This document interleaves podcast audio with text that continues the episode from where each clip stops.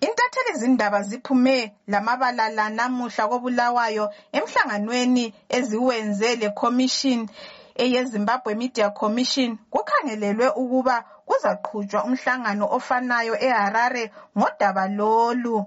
Ukhomishina alec ncube owezimbabwe media commission uthi kuhle ukuba intatheli zindaba ziyazihlelela zona ngokwazo indlela zokuziphatha ngazo ngesikhathi zisebenza kulolu hlelo.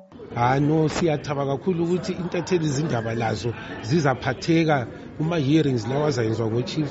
Odabeni lolu olwama-hearings awegugu rawundi.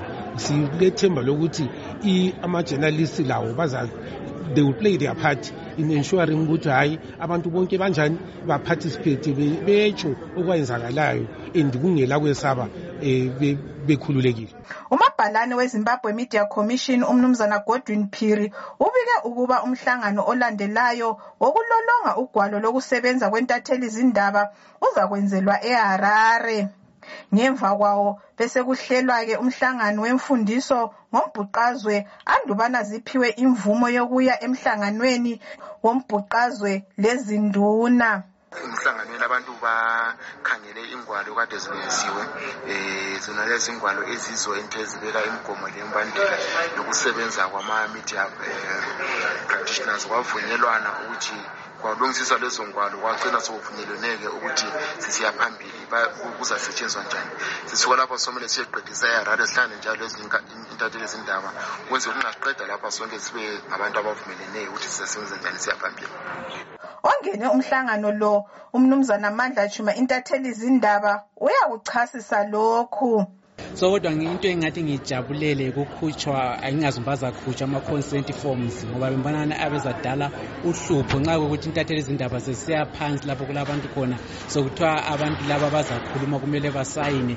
I-community yethu ngeyabantu abayisaba kakhulu ukuthi the moment you bring in form ungagcina usudlalisa ama-resources usiyetsholotsho kumbe ebhalagwe ubuye ungela story. Kodwa mbonana uhlelo lolu lu-right kodwa okunye kusuke kungani kuyangithinta kungani kufuna ukuba lokungenela lokucontrola okuthile ukuthi amanye amabala angasetshenziswa amanye amabala asetshenziswe sekungani imidia izabe isi-controlled?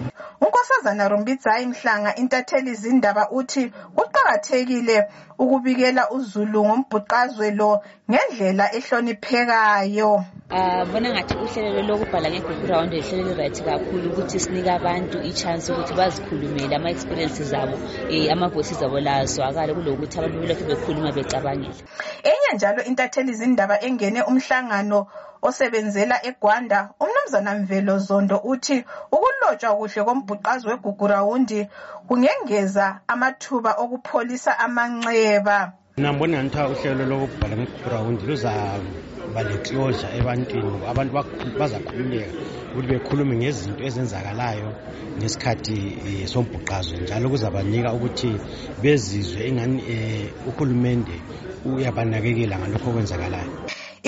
Ikomidi yentatheli zindaba isebenza lomabhalane wogatsha olubona ngokwethulwa kwemibiko umnumzana nick mangwana lezimbabwe media commission iphume lengwalo ezintathu ezizabakhokhelela ekulobeni udaba lombhuqwazwe ezibalisa abathi yi-the gugurawundi outreach reporting guide igugurawundi code of conduct pledge 2024 legugurawundi outreach media coverage consent form.